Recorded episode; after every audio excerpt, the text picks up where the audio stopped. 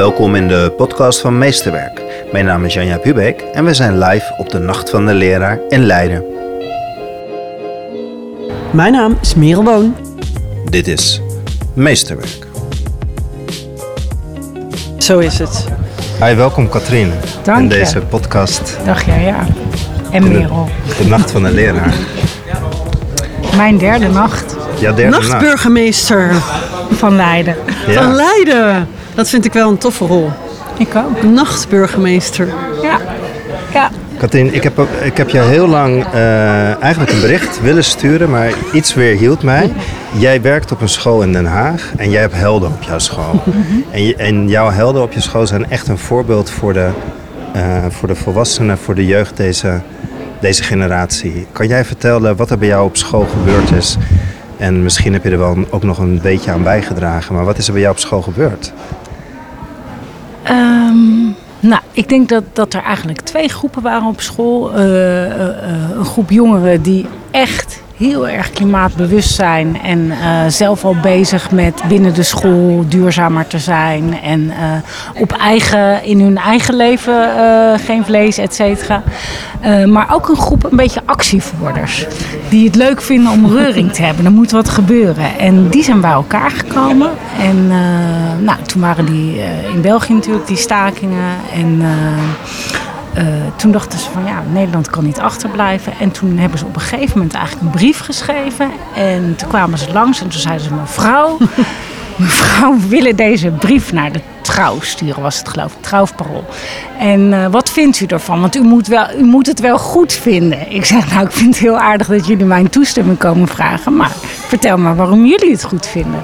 Nou, en zo raakten we in gesprek. En ik heb gezegd van, ja, eh, jullie zijn vrije mensen. Jullie moeten dat doen. En eh, eh, we zien wel wat er van komt. En laten we wel één ding afspreken. Laten we er contact over houden. Nou, en dat hebben we eigenlijk gedaan. Dus ja, mijn rol is eigenlijk gewoon geweest om het contact te onderhouden. Maar dat, dat is natuurlijk een hele leuke rol.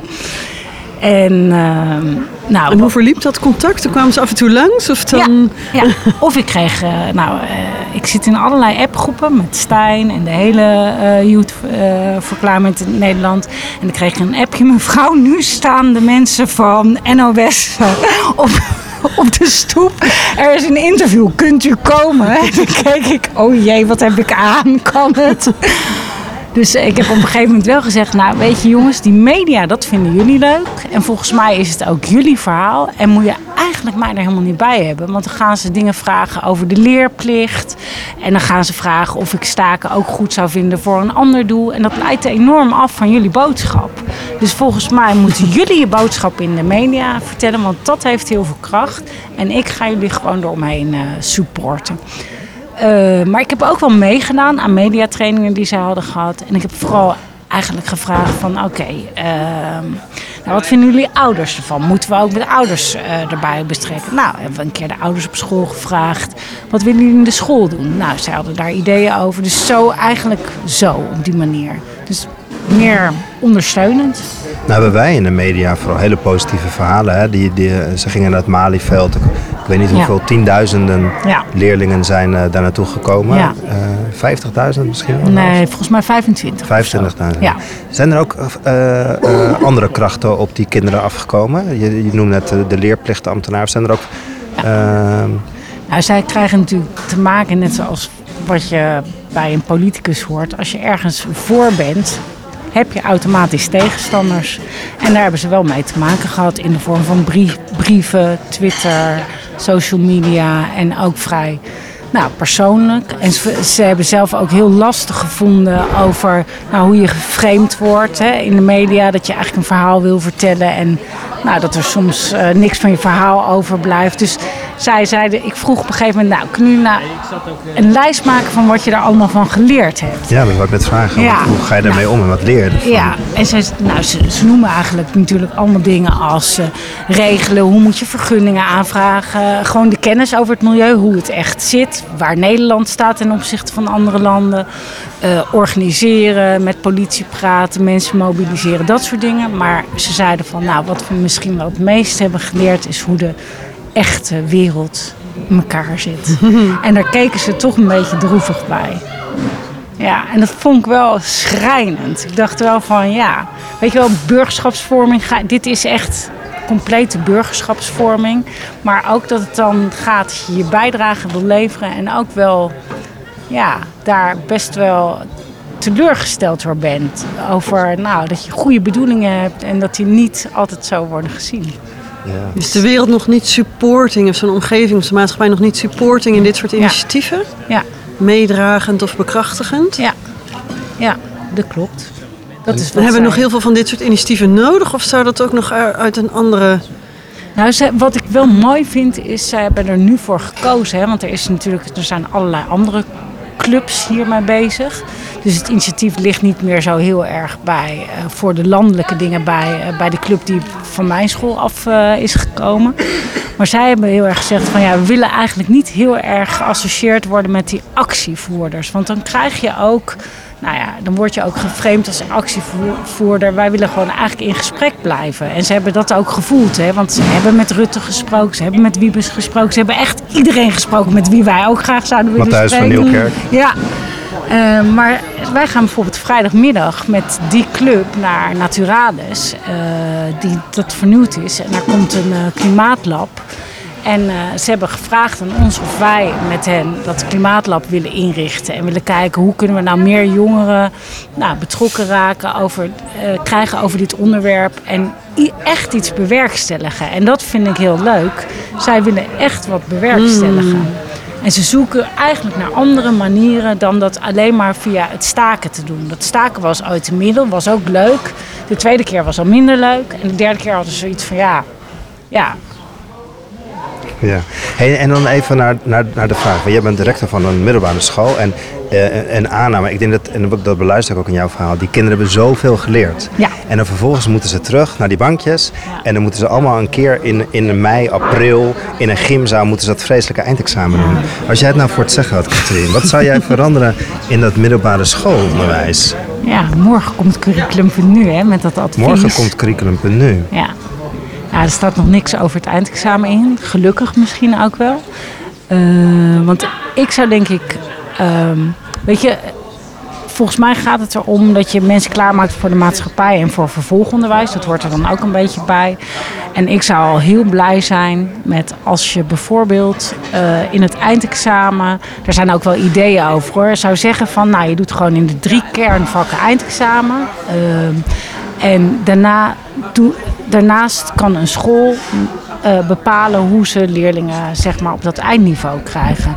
En daar, heb je natuurlijk, daar, zijn, daar zijn wel eh, gesprekken over met TU Delft en met eh, Utrecht over hoe je dat zou kunnen doen.